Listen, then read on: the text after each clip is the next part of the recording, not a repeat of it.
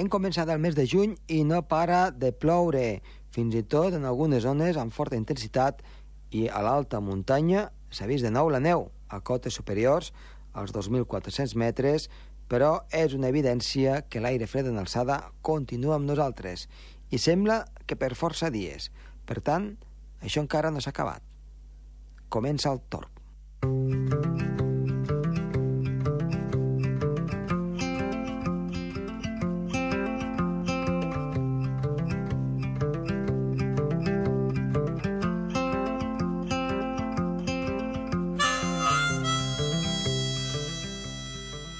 Doncs avui, evidentment, parlarem d'aquesta situació anòmala que s'està vivint de tants dies de pluja, fins i tot nevades a les cotes elevades, i tot això també ens portarà a fer la previsió del temps per aquest cap de setmana, que serà, ja ho, ho diem ara una miqueta, eh, variable de nou però farem un repàs del que ha anat passant arreu del món, d'aquestes precipitacions fortes que hi ha hagut a la Mediterrània i també del volcà Fuego de Guatemala. Som-hi!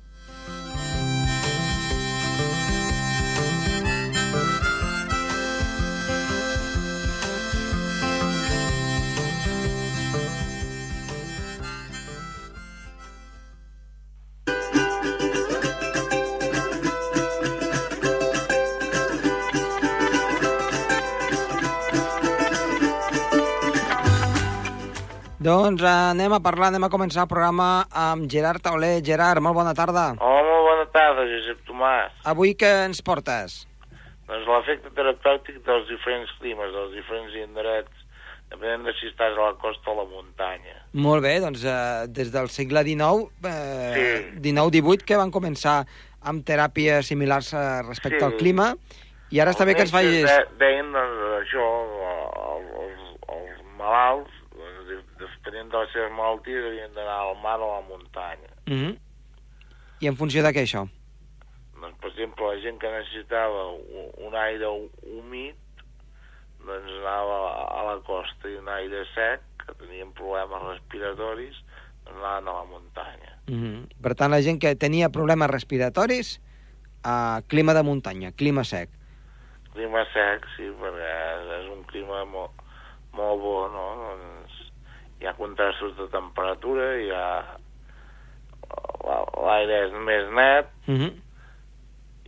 i en canvi a la, a la costa, doncs, podien fer-se banys i, i és més relaxant el clima. Hi ha unes, uns canvis de temperatura menys bruscos Mhm. que la zona de, de muntanya. Mhm. Eh, per tant, sembla ser una mica de que qui vivia a la costa s'anava a la muntanya i qui vivia a la muntanya s'anava a la costa, no? Sí, És el que li recomanaven, bàsic, bàsicament. I d'aquí doncs, surten eh, molts d'aquests ba- balnearis que hi ha arran de costa, també a l'alta muntanya, amb aquestes Sí. ar arquitectures una mica espectaculars, no?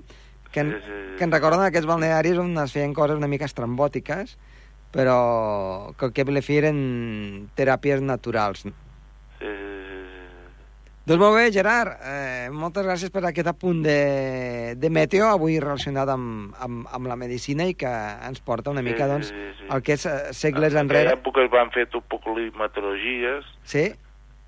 i, per exemple, a diferents llocs doncs, s'estudiava el clima relacionat això amb les malalties, no? Ah, i es feia una, que generava cada, cada, cada ciutat. uh i es feia una relació, no?, una mica entre el que era eh, sí, sí, sí. el tipus de malalties que hi havia amb la... Els estudis de, de, de, de, de, de, de meteorologia eren de, de metges, Uh -huh. com, a, com en Gabriel Salvà aquí a, a Barcelona. Molt bé. Molt bé, Gerard, doncs esperem la setmana vinent. Molt bé, fins Vinga. la setmana vinent. Adéu-siau, gràcies. Adéu, adéu.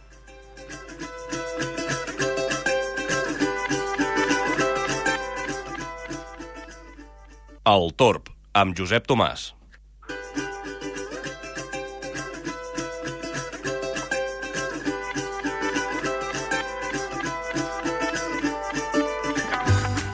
Doncs continuem el programa i en aquest cas eh, anem a parlar amb Sergi Carceler. Sergi, molt bona tarda. Hola, bona tarda. Com va això? Bé, bé, bé, estem aquí bastant interessats per diferents factors. Una per aquestes pluges que sembla que no acabin aquí a Andorra. Uh -huh. Parlarem avui una mica sobre alguns registres de pluges que hem tingut aquest mes de maig, que la veritat impacten bastant. Després també parlarem una mica del polen, ja les últimes setmanes, no?, ja de polinització, a causa de, doncs, que d'aquí poc ja és estiu, encara que sembli mentida, ja ens estem apropant a l'estiu, i després també farem una petita pinzellada del volcà foc, que, bé, a Guatemala ha deixat bastants, bastants morts. Doncs sí, sí, déu nhi comentarem doncs, amb aquest eh, volcà de, de Guatemala. Eh, comencem, doncs, eh, pel primer tema que havies, que havies preparat. Doncs la polinització, estem parlant de que, com hem vist ja últimament, eh, totes les plantes ja estaven com començant a estabilitzar-se, el polen ja no era tan protagonista no? a, aquestes, aquestes contrades, però bé, hi ha alguns arbres que encara doncs, doncs, polinitzant bastant. Estàvem parlant la setmana passada que l'alzina i el roure estava en una alerta 5, uh, ara ja ha baixat l'activitat, ara estan en una alerta 3 de 5, és a dir, ara tenen una activitat mitjana, va disminuint mica en mica. El que sí que ara està traient bastant al cap és el pi, i és que ara els pins que, que tenim doncs, eh, comencen a polinitzar bastant i estem en una alerta de 4 sobre 5. Els altres tipus d'arbres, plantes i fongs estan bastant adormits, ja no polinitzen tant. Així que res, estem esperant ja la, aquest sprint final de reproducció de les plantes i, i mica en mica doncs, els problemes respiratoris de tota aquesta gent que tingui problemes amb els pol·lens doncs, ja es podran, podran estar més tranquils a l'hora de caminar per la muntanya. Doncs sí, a veure, a veure si la cosa ja va de baixa, però encara queda un petit trajecte, eh? fins que, fins que doncs, entrem, com tu bé deies, a, a, a l'època més estival. I el següent tema del, del que vols parlar, doncs suposo que deu ser uh, la precipitació, que no para. Doncs sí, la precipitació que no para i fins i tot encara doncs, uh, segueix, segueixen havent episodis de pluja bastant continuats últimament doncs, a causa d'aquesta eh, gota freda, no? aquesta gota freda que ha estat a sobre la península ibèrica, ens ha, eh, ens ha anat portant inestabilitat i ja sabem també que la zona del Pirineu, quan més ens apropem a l'estiu, més activitat hi ha, a causa d'aquestes tempestes que es formen sobretot a partir de la tarda, a causa de doncs, aquesta acumulació d'energia, de calor latent que hi ha a la superfície terrestre i que fa que a la tarda doncs, es creïn aquests cumulonimbus, aquestes tempestes que deixen anar valors bastant importants en poques hores. Ara, de moment, mira, tenim unes dades, ara que ja hem acabat el mes de maig, uh mhm. -huh. parlarem, doncs, d'alguna acumulació de precipitació, per exemple, a Escaldes, eh, aquest mes de maig han caigut doncs, eh, 100 litres per metre quadrat en tot el mes de maig. Parlant d'un valor bastant important. És més, ha plogut 14 dels 31 dies que té el mes. Així que imagina't, un de cada dos dies quasi, quasi, doncs estava plovent. La veritat és que impacta bastant. El valor normal és, almenys aquest mes de maig, és de 90 litres. És a dir, sí que és veritat que és un mes molt plujós, a més, diríem que Andorra a maig és el mes més plujós de l'any, però normalment els valors doncs, ronden els 90 litres per metre quadrat. Així que aquest mes ha plogut una mica més del normal, que mira, vulguis o no, uh -huh. segons com ho mirem, doncs es pot agrair, no? Sí, tant. Després també Ransol ha tingut eh, valors bastant alts, de 111 litres per metre quadrat, estem parlant d'una zona de 1.600 metres, bé, la pluja doncs, eh, té un factor bastant, bastant important i, clar, són valors que són bastant elevats. I si parléssim més encara sobre el climograma d'Andorra, que el climograma, per la gent que no ho coneixi, és com una gràfica que més o menys és com una radiografia del clima del país o de la ciutat on es vulgui parlar. I Andorra té un climograma molt bé, diríem comú, aquí a la zona mediterrània, que estem parlant de que sobretot a l'estiu és quan hi ha dèficit d'aigua, encara que hi hagin tempestes bastant intenses, sí que és veritat que a l'estiu doncs, hi ha moltes hores de sol i hi ha molt pocs dies de pluja, encara que quan hi ha una tempesta la, els valors són bastant importants i en pocs dies de pluja. Llavors, anem a parlar una mica d'aquest primograma, així ràpidament. Molt bé. I és que la precipitació mitjana d'Andorra al llarg de l'any és de 447 litres per metre quadrat. Estem parlant d'una mitjana.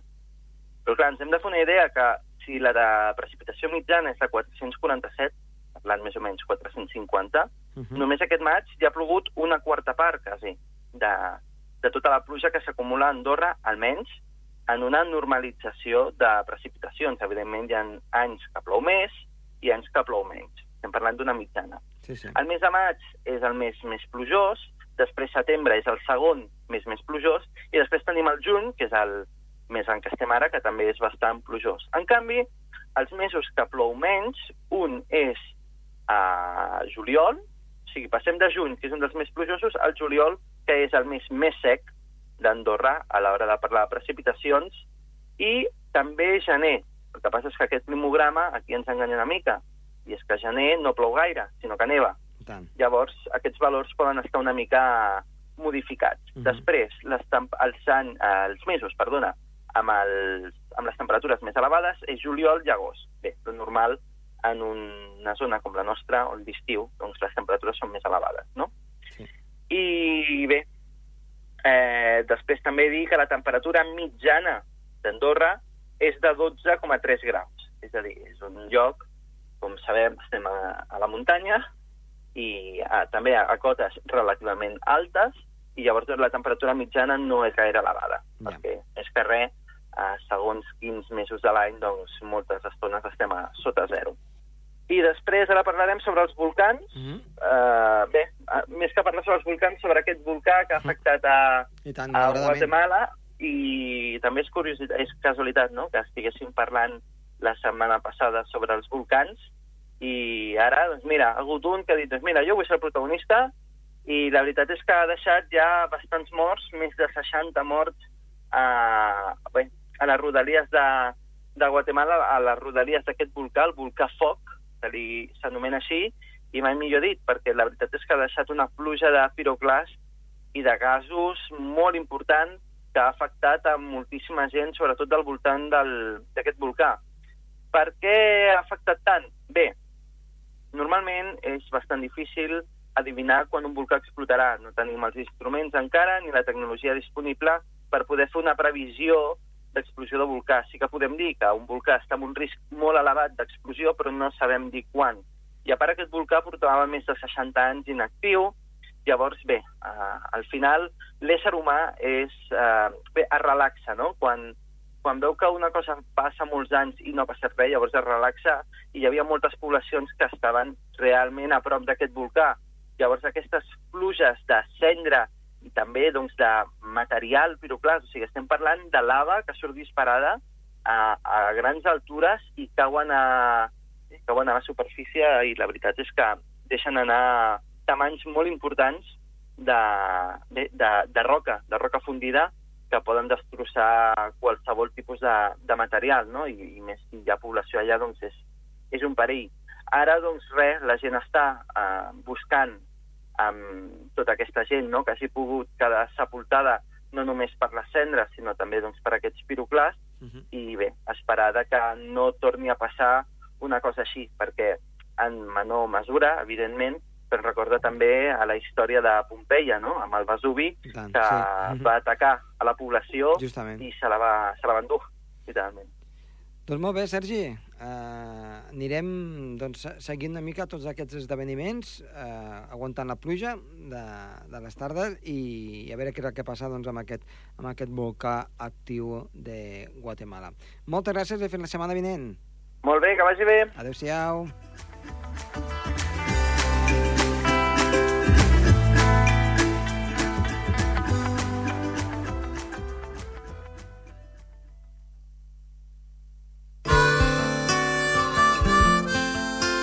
El Torb, amb Josep Tomàs.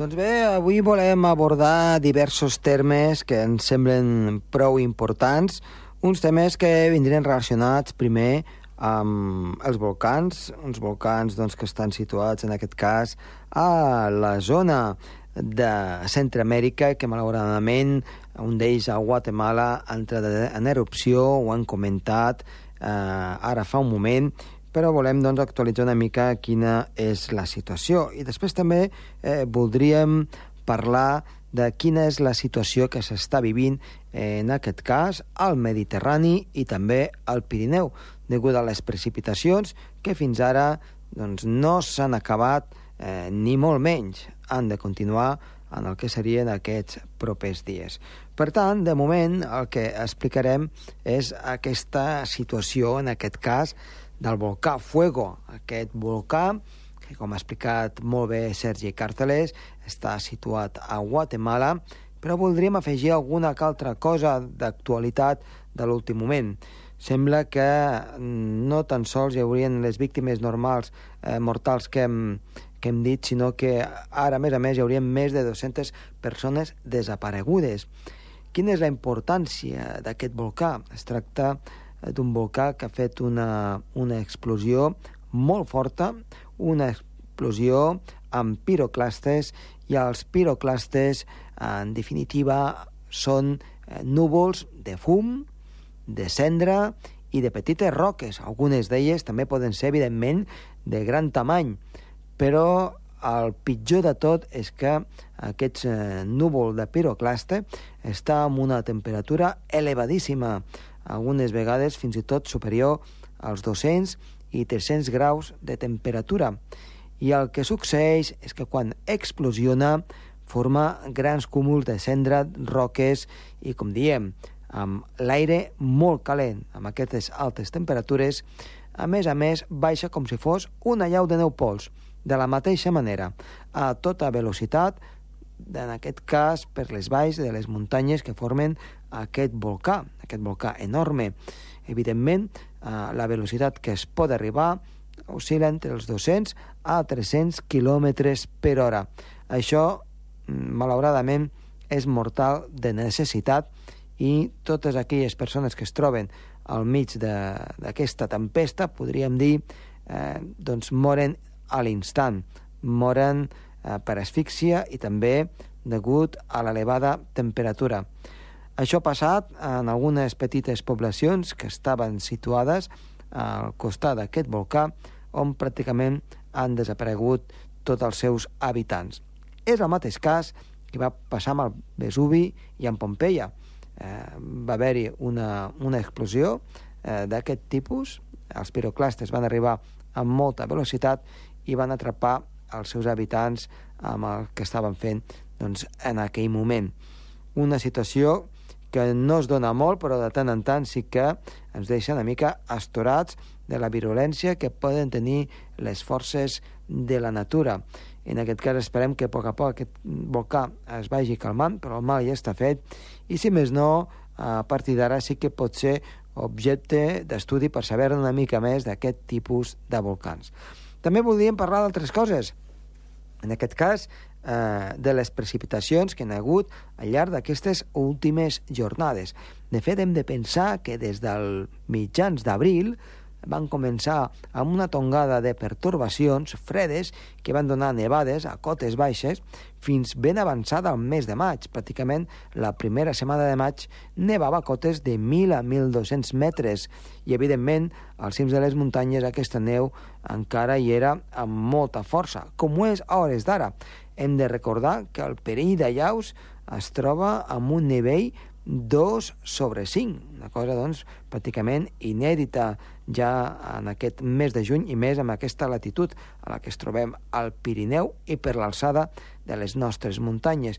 Però encara hi ha el perill, un perill eh, de neu fonda, un perill de neu que després de ploure a la tarda aquesta pluja s'escola cap a, al fons de la neu fins a tocar terra i pot fer que llisqui des de la superfície de la neu fins a, al sol mateix, al sol de pedra, i això fa que s'esllavissi tota la neu en la seva totalitat i pugui també arrencar trossos de matèria, en aquest cas, que estiguin tocant el terra, ja siguin pedres, terres eh, o fins i tot algun arbre que es poden portar per davant. Per tant, molta precaució no és el mateix que una llau de neu primavera, sinó que és una llau de neu fonda, que s'esllavissa tota la neu. Aquesta informació la poden trobar també a la web de govern meteo.d, en l'estat de la neu. Allí hi ha una informació detallada de la situació en la qual ens podem trobar. Per tant, recordin, aquí nivell 2 sobre 5. Eh, per tant, fa pràcticament mes i mig que dia sí, dia no, eh, tenim precipitacions, algunes en forma de neu, com va passar al llarg de la jornada d'ahir a l'alta muntanya, per damunt dels 2.400 metres, i altra en forma de pluja, xàfecs i tempestes. Però és que aquestes tempestes no tan sols han estat afectant a zones del Pirineu, sinó que han sorgit d'aire fred en alçada, d'aire humit de la Mediterrània i de les condicions ideals perquè eh, tot plegat es formessin tempestes molt fortes. Recordem tempestes que han deixat eh, molta quantitat d'aigua en molt pocs minuts i això ha condicionat tot el que és la situació al voltant, en aquest cas, de eh, tot l'arc mediterrani. Eh, veiem a Sitges com eh, anaven pràcticament flotant eh, multitud d'objectes. Això és degut també, bàsicament, que la precipitació ha estat molta en molt poca estona i, a part, eh, degut a la geografia urbana, a que moltes zones per on passa l'aigua o passava l'aigua ara doncs, estan urbanitzades i, evidentment, aquesta aigua no es pot percolar i ha de passar eh, per damunt. I això provoca que es formen aquestes riuades que puntualment poden ser perilloses. La situació de continuar en aquests propers dies, properes setmanes, doncs sembla ser que sí, amb més o menys intensitat, sí que la precipitació, la pluja, ha de continuar. No marxarà l'aire fred. I a més llarg termini hem vist que no seria fins a partir del 20 de juny aproximadament en què podria entrar un anticicló des del nord d'Àfrica que fes marxar l'aire fred en alçada i estabilitzar l'atmosfera en presència d'anticicló, pujada de temperatures i més sol. Això, però, encara queda molt lluny i, per tant, ara mateix la situació eh, no és aquesta. La situació és que hem de continuar parlant d'aquestes precipitacions, d'aquesta inestabilitat i, per tant, de més aigua als nostres rius i també a les nostres muntanyes.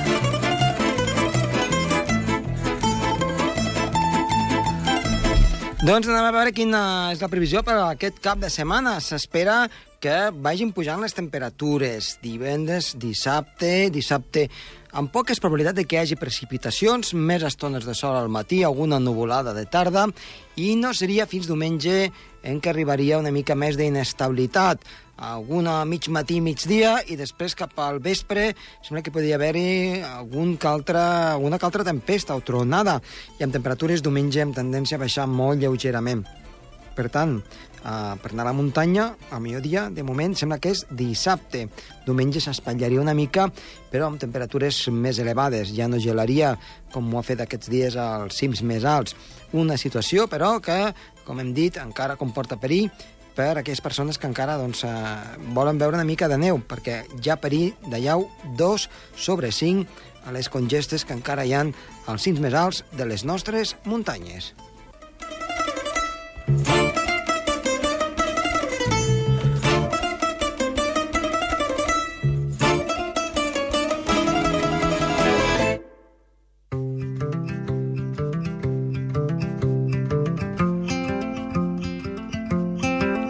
fins aquí el programa d'avui. Esperem que els hagi agradat estar de les vies de so. Oriol Truix, i qui els ha parlat amb molt de gust, Josep Tomàs.